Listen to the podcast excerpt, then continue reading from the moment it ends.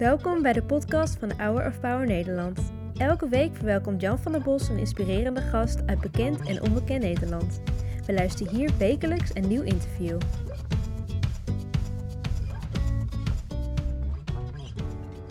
Wat is jouw lievelingskerstlied, eh, Henny? Het stille nacht, altijd weer. Ja.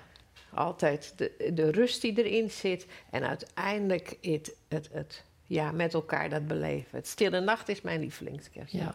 En voor jou, Margot? Oh, Holy Night.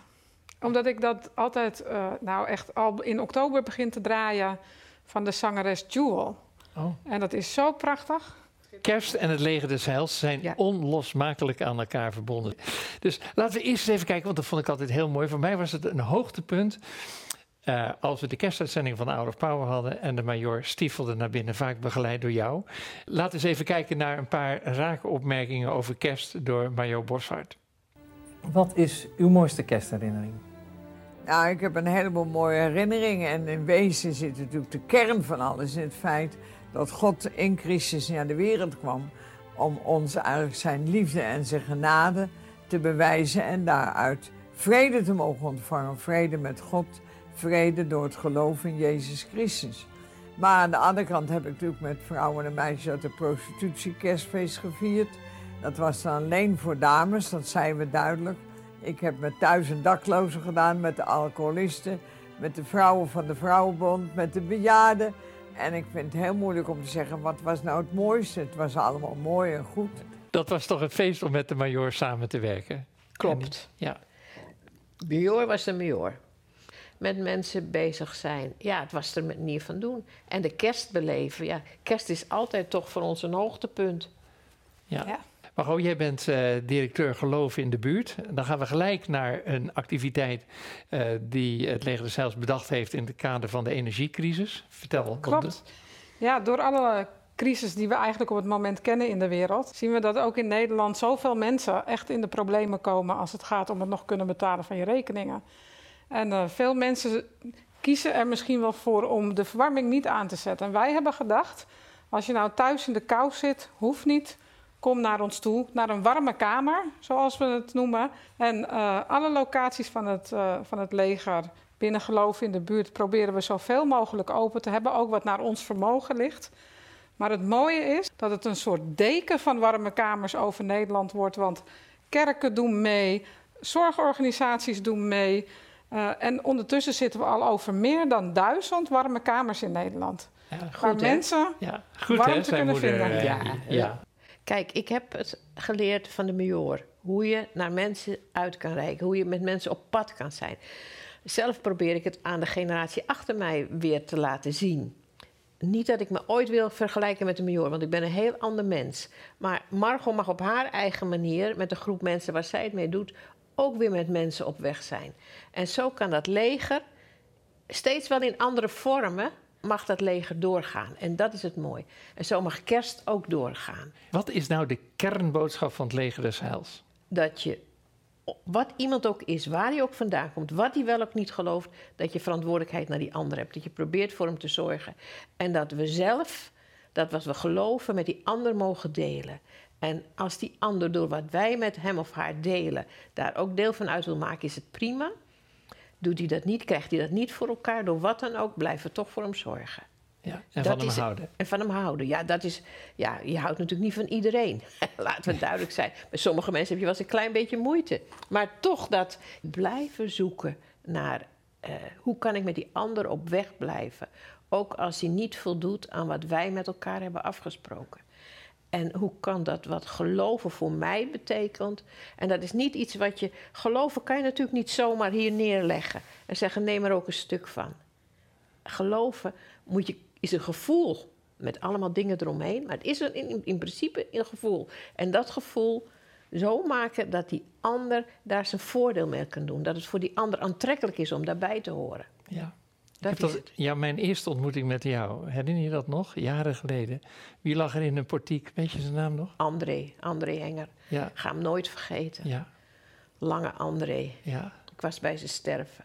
Hij heeft me een stukje van de hemel laten zien. Dat heb ik wel eens eerder verteld. Hij jatte alles wat los en vast zat.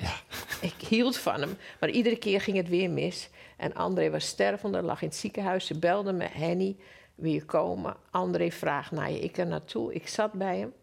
Op een gegeven moment keek hij me aan en in die ogen was zoveel rust, was zo ja, harmonie, dat ik dacht, ik zie bij jou nou een stukje van de hemel. En zo is het goed. En toen stierf hij. Ja.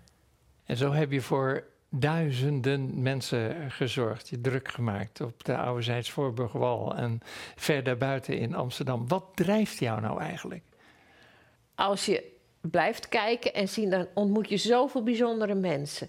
Mensen waar je het niet gelijk van verwacht, maar eh, ja, die toch ergens je raken. Ja. En, en dat, ik kan gewoon niet zonder. Ik kan niet zonder die mensen. Het is niet eens alleen maar. Ik heb nooit het gevoel, ik loop hier nou te zorgen. Ik ben op weg met een hele groep van mensen. We gaan nog even terug naar Major Boschart. Major Boschart, hier zit ze op het bekende bankje. En eh, Margot, wil je even de tekst voorlezen die haar live tekst was? God dienen is mensen dienen en mensen dienen is God dienen. Ja, voel je dat zo ook? Ja, dat voel ik, voel ik zelf Ja. absoluut zo. Ja. Ja. Dat wanneer je vanuit je geloof bezig bent, het is gewoon inherent aan wie je bent. En zo ja, probeer ik dat in ieder geval handen en voeten te geven. Of in mijn werk, in, in, ja, in de contacten die ik heb. Wat zie jij, Margot, als eh, het grootste probleem van deze tijd? Dat we de verbondenheid met elkaar eh, ja, bijna kwijt zijn geraakt. En die verbondenheid die is zo eh, bijna vormgegeven in regels en wetten en wat allemaal wel en niet zou moeten kunnen en noem allemaal maar op. Dat een natuurlijke verbondenheid om met elkaar om te gaan onder druk komt te staan door bijna een stuk overregulering van, van onze maatschappij. En daar is een grote groep mensen in onze maatschappij eh, extra kwetsbaar door geworden. Omdat het zo ingewikkeld is om erbij te mogen horen, om erbij te kunnen horen, dat eh, ja, dan, dan, dan zet je die stap maar niet meer. Ja, Dat zie je ook bij jongeren. Veel jongeren met dakloosheid, met, eh, met hun problemen. Ja, die haken niet meer aan. Maar die haken voor een deel niet meer aan, omdat het zo ingewikkeld is. En we het zo complex gemaakt hebben met dus een elkaar. killere samenleving. Ja, en, en dan allemaal die telefoontjes mee, waar ze mee zitten. Ik snap er helemaal niks van, kan dat ook niet. En ja, Ja. je hebt Heerlijk gefeliciteerd. Ja, ja weet je, de- daarmee eh, is, is, lijkt het wel of het echte contact. Ja. En, het moet allemaal, en Ja. alles moet min of meer een beetje verantwoord worden. Ja. Wel, ik denk, probeer het. Je ziet het ook in de hulpverlening. Alles moet gerapporteerd worden. Ja. Ja, het was vroeger ook niet allemaal goed. Maar je deed een heel Ja. aantal dingen gewoon. Als het ging vriezen, ging je naar buiten, haalde je de mensen binnen. Nu zijn er loketten waar ze eerst naartoe moeten. En dan moet het geregeld worden. En het moet verdeeld worden. Het moet zus, het moet zo. Ja, je kan ook in al je regelingen en alles wat je wil overacten. Ja. Ik, ik denk dat veel daaruit voortkomt uit wantrouwen. We vertrouwen elkaar Ja. misschien wel steeds een stukje Ja. minder. Ja. Ehm, en dat moeten we kenteren. Want als we dat niet om weten te buigen, en laten wij daar dan maar een, als christenen ook een voorbeeld in zijn. Maar als we dat niet weten om te buigen, dan gaan we naar een hele individualistische ehm, en eenzame maatschappij. Ja. Met kerst halen we herinneringen op. Wat is jouw mooiste kerstherinnering, Henny? Want hoe lang ben je nu bij het Heils betrokken? Ik, eh, ik ben, was 17 dat ik in het Goedwilcentrum kan werken. Dit is mijn 60ste kerst met elkaar beleven. Dat eerste kerstdag, wat ik altijd mooi vind. Vroeger gingen we dan zingen in zo'n verpleeghuis waar mensen lagen. Nu hebben we dan de kerstmorgen zometeen met elkaar. En dan komen de mensen, een aantal zelfs nog van de straat. Dan hebben we de kerstdienst. En Dan delen we dat kerstverhaal weer met elkaar. En dan hebben we een brunch. Ja. Met een vers bakje soep, met een lekker stukje brood. Met gewoon, en dan zijn al die hele grote toeters en bellen eraf. Daar geniet ik ongelooflijk van. Je zegt even, dan delen we de kerstboodschap. Ja, Wat is de kern van de kerstboodschap? licht. Ik verlang altijd zo naar licht. De kerstboodschap is dat God zijn zoon gaf om licht te brengen naar deze wereld. Omdat wij mensen dat blijkbaar toch niet voor elkaar krijgen. Dus mijn gevoel bij kerst is altijd licht. Ja. En jou, Margot? Hoop. Ik heb eh, met kerst heel veel rondom hoop voor een toekomst voor ieder mens. Ongeacht wie je bent, wat je bent en ook ikzelf, mogen elke keer weer uitzien naar die hoop. En daar, eh, ja, daar vier ik echt kerst om. Ja, dat is mooi dat je het zegt. Chris en ik waren eh, bij eh, het kerstdiner in de Koepelkerk. Eh, en dat is een diner voor mensen die eigenlijk normaal nooit... Niet in zo'n kerk komen of niet uitgebreid uit eten kunnen gaan. Het is een hele gemixte groep van mensen waar we Ja, mee optrekken. Ja, Mannen, vrouwen, want in de kranten wordt vaak gezegd dak- en thuislozen. Nee, het is veel breder. Zo'n 340, 350 mensen die daar met elkaar kerst vieren. Het kerstevangelie horen, zingen met elkaar, lekker eten, bediend worden. Eh, ja, is een feest. ja. Wat is jouw mooiste kerstherinnering als het gaat om iemand die jij hebt mogen helpen? Mijn mooiste kerstherinnering. Ja, ik vind een van de mooiste momenten, maar dat is al heel lang geleden, dat ik een keer in dat kerstdiner zat eh, in de Koepelkerk. En eh, ik denk dat ik een jaar of 18, 19 was, want dat is ook al 40 jaar, hè, dat, die Koepelkerk. En ehm, toen zat ik daar en toen heb ik samen met een van de mannen die echt zo van de straat komt, het Stille Nacht gezongen. En ik, was, weet nog dat ik helemaal verbaasd was over zijn prachtige stem. Die Echt zo, zo. En hij genoot er zo van. Ja, dat is wel een hele dierbare herinnering. eh. Zo met die, met die man op die leeftijd zo Ja, die verbinding voelen. Ja. ja prachtig. Want kerst is natuurlijk een, een prachtig moment voor heel veel mensen. Voor heel veel mensen is het, eh, en daar zorgt het leger voor, een verschrikkelijke tijd. Een tijd Het is van... een eenzame tijd. Ja. Ja. Het is voor veel mensen een eenzame tijd.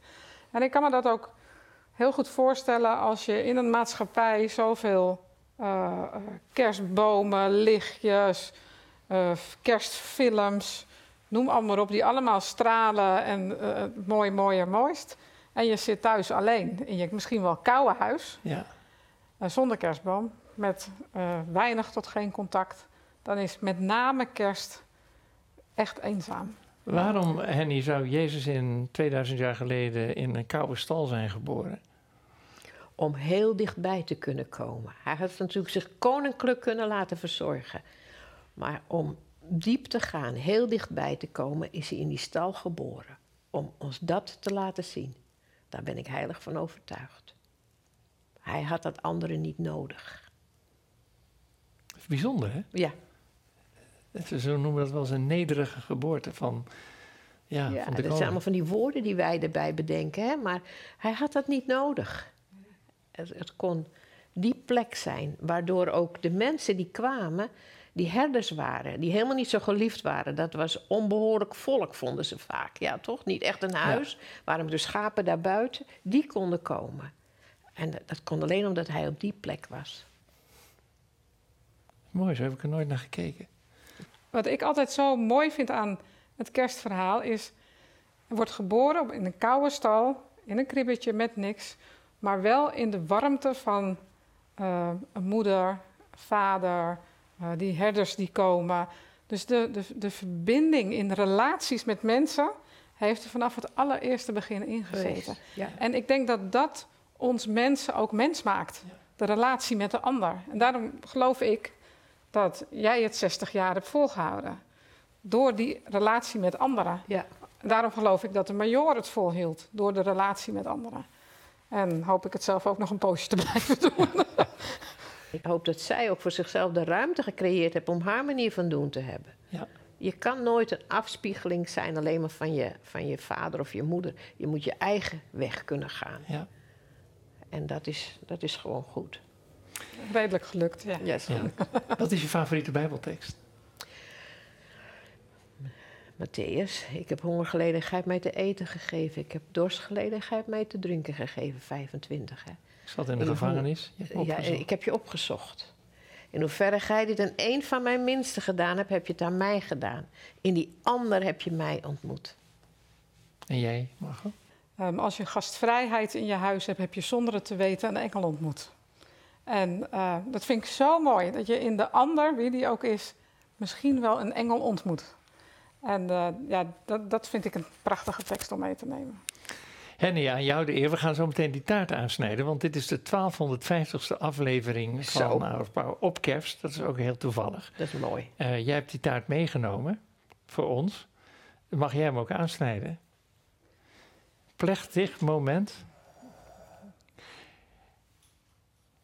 Margot, onderwijl vraag ik nog even eh, naar jou over je moeder. Wat heb je van je moeder meegekregen? Ehm, om met een, uh, een, gezonde mate van nuchterheid uh, door het leven te gaan. En vervolgens te genieten van allerlei zaken die, uh, die het leven je brengt. Omdenken is echt een gave. Een paar weken geleden ben jij door burgemeester Femke Halsema overvallen. Ja. Want je hebt een hele belangrijke onderscheiding gekregen. Ja.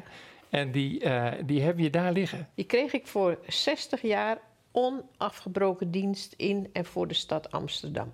Nou, Mooi hè? Ik had dat absoluut helemaal niet verwacht. jij bent toch al een planner, hè, uh, Margot? Dus we hebben voor jou de weekplanner 2023. Mooi, Kun je elke dag. Ja, jij kijkt natuurlijk, waarvoor krijg ik hem niet? Maar je krijgt wat anders. Het nieuwe dagboek van Bobby Schuler. En eh, dat is 365 bemoedigingen voor het hele jaar door. Nou, jij bemoedigt zoveel anderen. Ik hoop dat jij door dit boek bemoedigd wordt. Dank je. En dan heb ik nog iets, omdat ik je al zo lang ken en waardeer, iets persoonlijks voor je. Want ik zag dit in Amerika en ik denk, dit is eigenlijk wat jij vertegenwoordigt. Hier staat het op. Kindness. Vriendelijkheid doet het toe. Kindness matters. En dat heb je laten zien, alsjeblieft. Dank je. Mooi. En ik hoop dat we hebben meegenomen wat de echte betekenis van eh, kerst is. En waarom we hier zitten en waarom we het vieren. Met dank nogmaals aan jullie en het leger Heils voor alles wat jullie doen. Gaan we nu naar een vraag toe.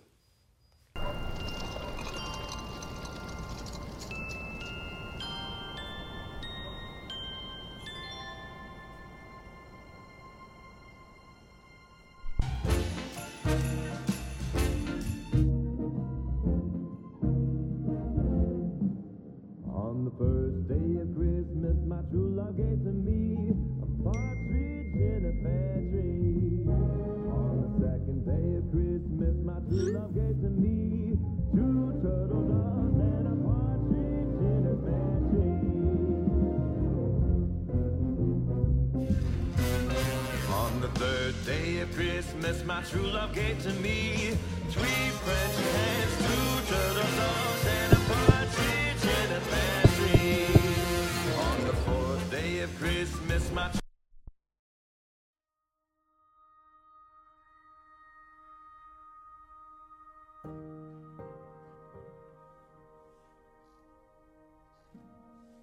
defining thing. The thing that makes you a Christian is that you know God's love and that you love other people.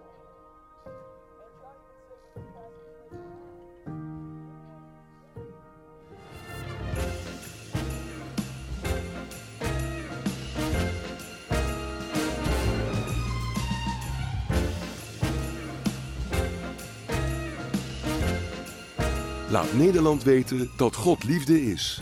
Met uw steun kunnen we blijven uitzenden. Word donateur op hourofpower.nl.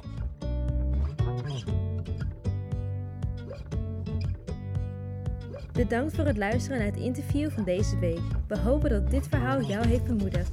Wil je meer weten over Hour of Power of andere interviews bekijken? Ga dan naar www.hourofpower.nl.